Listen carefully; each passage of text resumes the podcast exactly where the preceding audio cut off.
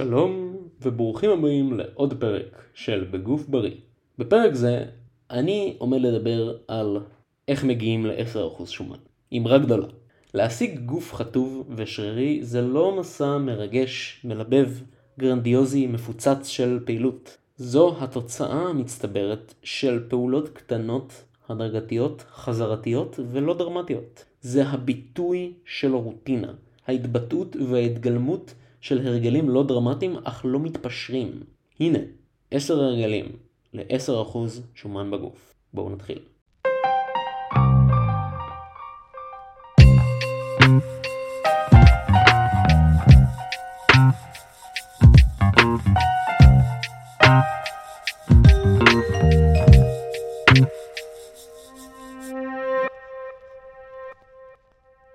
הרגל מספר 1 לשקול את עצמנו כל יום.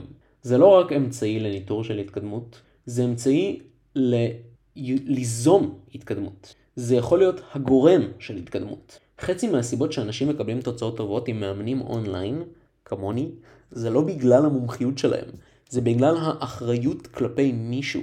someone to be accountable to. זה לעשות צ'ק אינים עם בן אדם באופן קבוע. זה פשוט, תשקלו את עצמכם כל בוקר אחרי שאתם קמים ולפני אוכל או מים. תעלו על המשקל וקחו תמונה בפלאפון או תרשמו באקסל.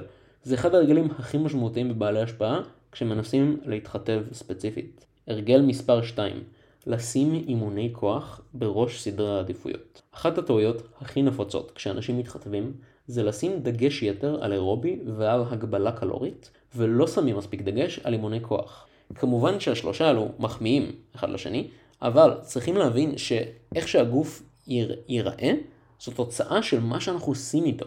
להתמקד יותר מדי באירובי וקלוריות פשוט יגרום לאנשים לראות כמו גרסה קטנה יותר של עצמם.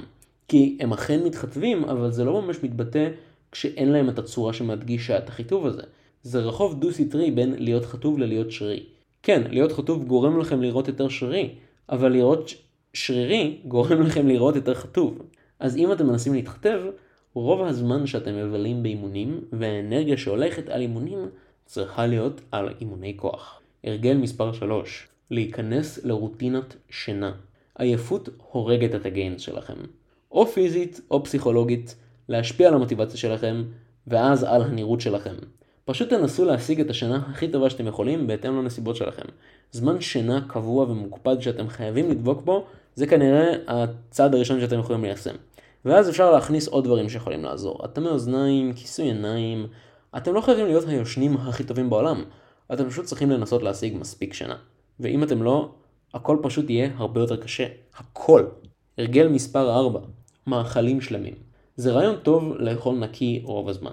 אוכל שלם ולא מעובד בדרך כלל הרבה יותר ממלא עבור אותה כמות של קלוריות. והיעד שלכם בזמן חיטוב צריך להיות לחוות רעב כמה שפחות. לרוב מאכלים עם הרבה סוכר פשוט יגרמו לכם לרצות עוד סוכר, אז זה די counter intuitive. junk מביא ל junk, ואם כמות הקלוריות שאתם מנסים, שאתם מכניסים הולכת וקטנה, כל קלוריה וקלוריה, כדאי שתהיה יותר ויותר מעשירה, מלאה ביותר טוב. עדיף פרי מאשר חטיף מבחינת התזונה שאתם מזינים את הגוף שלכם.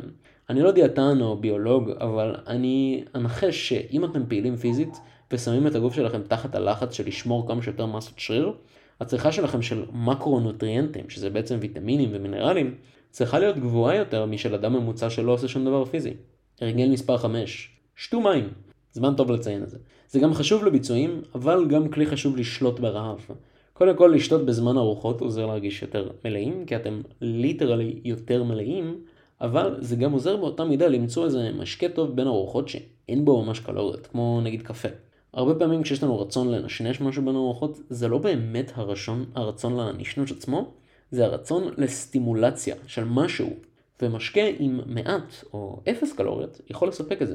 אז תה, קפה, משקה סודה, חלב שקדים, קולה זירו, whatever. הרגל מספר 6 תישארו עסוקים slash מוסחי דעת. תימנעו מלהיות משועממים באופן כללי. אם אתם יכולים להישאר עסוקים, אתם לא ממש תשימו לב לזמן בין ארוחות.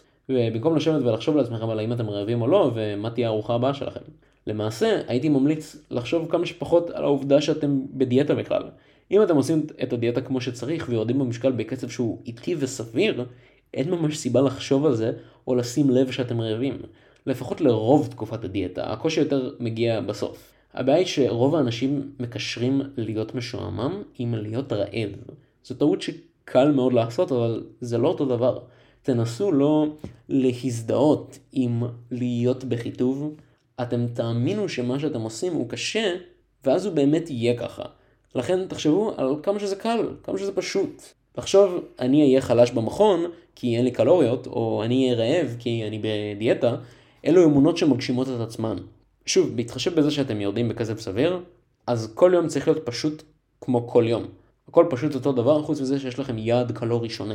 הרגל מספר 7, תכננו קדימה. להגיע ל-10% שומן דורש מכם לעשות את הבחירה הנכונה פעמים רבות אחת אחרי השנייה. נסיבות כ... כאוטיות ולא ניתנות לצפייה נוטות לגרום לבחירות לא טובות. לצאת משגרה לרוב גורם להחלטות לא טובות. כמובן יש אלמנט של אי ודאות שמתלווה לקיום שלנו, אבל אתם צריכים לעשות את מירב המאמץ שלכם בכל הנוגע לאימונים, תזונה ומנוחה. זה אולי אומר לתכנן את שבוע האימונים שלכם ולדעת באיזה שעה בכל יום אתם הולכים למכון, או לתכנן יום מנוחה או cheat למתי שזה הכי נוח. זה אולי אומר להכין את התיק שלכם והבגדים למכון בערב שלפני, או להכין ארוחות מראש לשבוע, מה שזה לא יהיה. ארגון זה חבר שלכם, כי זה מה שמאפשר רוטינה. זה מה שמאפשר להיכנס לגרוב. עיקרון מספר 8 cheating בשליטה. אני חושב שיש מקום לארוחות cheat, או אפילו ימי cheat בדיאטה. שוב, זה הכל חוזר לתכנון. תכנון וציפייה זה הכל באותו רוח ותכלית של לקדם דבקות במטרה לאורך זמן. זה הרבה יותר קל לדבוק בדיאטה או לעשות את האימון הזה שאתם צריכים לעשות כשאתם חסרי מוטיבציה, בהינתן שיש לכם איזשהו פרס קטן כזה לצפות לו. אם אתם לא מתכננים את הצ'יטים האלו ופשוט זורקים אותם איפה שמתחשק, אתם עלולים להפוך לקורבן של האימפולסיביות שלכם. אנחנו מתכננים החלטות עם המחשבה המודעת ואנחנו לא רוצים להטמיע הרגל של מנטליות fuck it וגישה אימפולסיבית, שזה עלול לקדם. הרגל מספר 9 שרפו קלוריות בכיף שלכם. זה קונספט עתיק יומין כיום שנקרא תענוג. הרבה אנשים בתחום מדברים על הקונספט של NEAT, Non-Exercise Activity Thermogenesis, שזה בעצם אומר הקלוריות שאתם שורפים בכל מה שהוא לא פעילות לשם פעילות. לשקשק את הרגליים, לכתוב על המקלדת, לצבוע את הגדר, whatever. אם אתם אנשים פעילים באופן כללי, זה יעזור לכם בדיאטה. אבל משהו שהרבה יותר מזה, זה, משהו שהרבה יותר מזה, זה למצוא משהו שמענג עבורכם.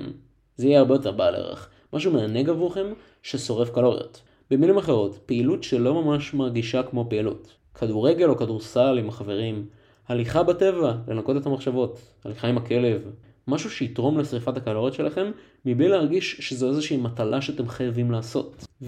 הרגל מספר 10, לעקוב אחרי כל קלוריה.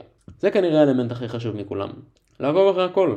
אל תבינו אותי לא נכון, אני לא חושב שכולם צריכים כל הזמן לעקוב אחרי הקלוריות והמקרואים שלהם.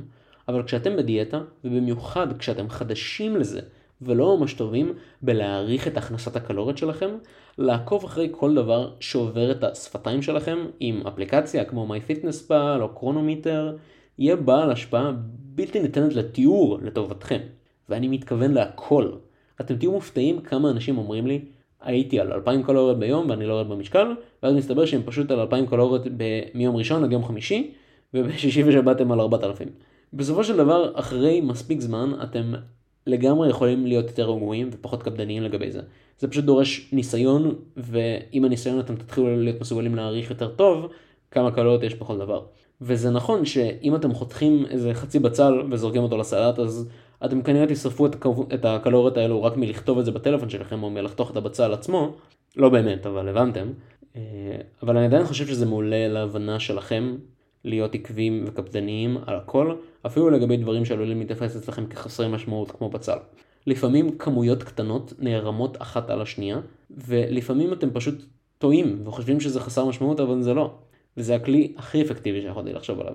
אני אעבור רגע מהר על כל מה שאמרתי, לשקול את עצמנו בכל יום, לשים אימוני כוח בראש סדר העדיפויות, להיכנס לרוטינת שינה, מאכלים שלמים, שתו מים, תישארו עסוקים ומוסחי דעת, תכננו קדימה, תעשו צ'יטינג בשליטה, תשרפו קלוריות בצורה שכיפית לכם, ולעקוב אחרי כל הקלוריות. זהו זה, זה כל מה שיש לי. בטוח שיש עוד הרבה דברים לחשוב עליהם שהם משמעותיים, אבל אלו הרגלים הכי משמעותיים בעיניי. תרגישו חופשי לחשוב בעצמכם על דברים ולשלוח לי. מקווה שלמדתם משהו חדש. אני הייתי אורי שוורץ, אתם האזנתם בגוף בריא, ונתראה בפרק הבא.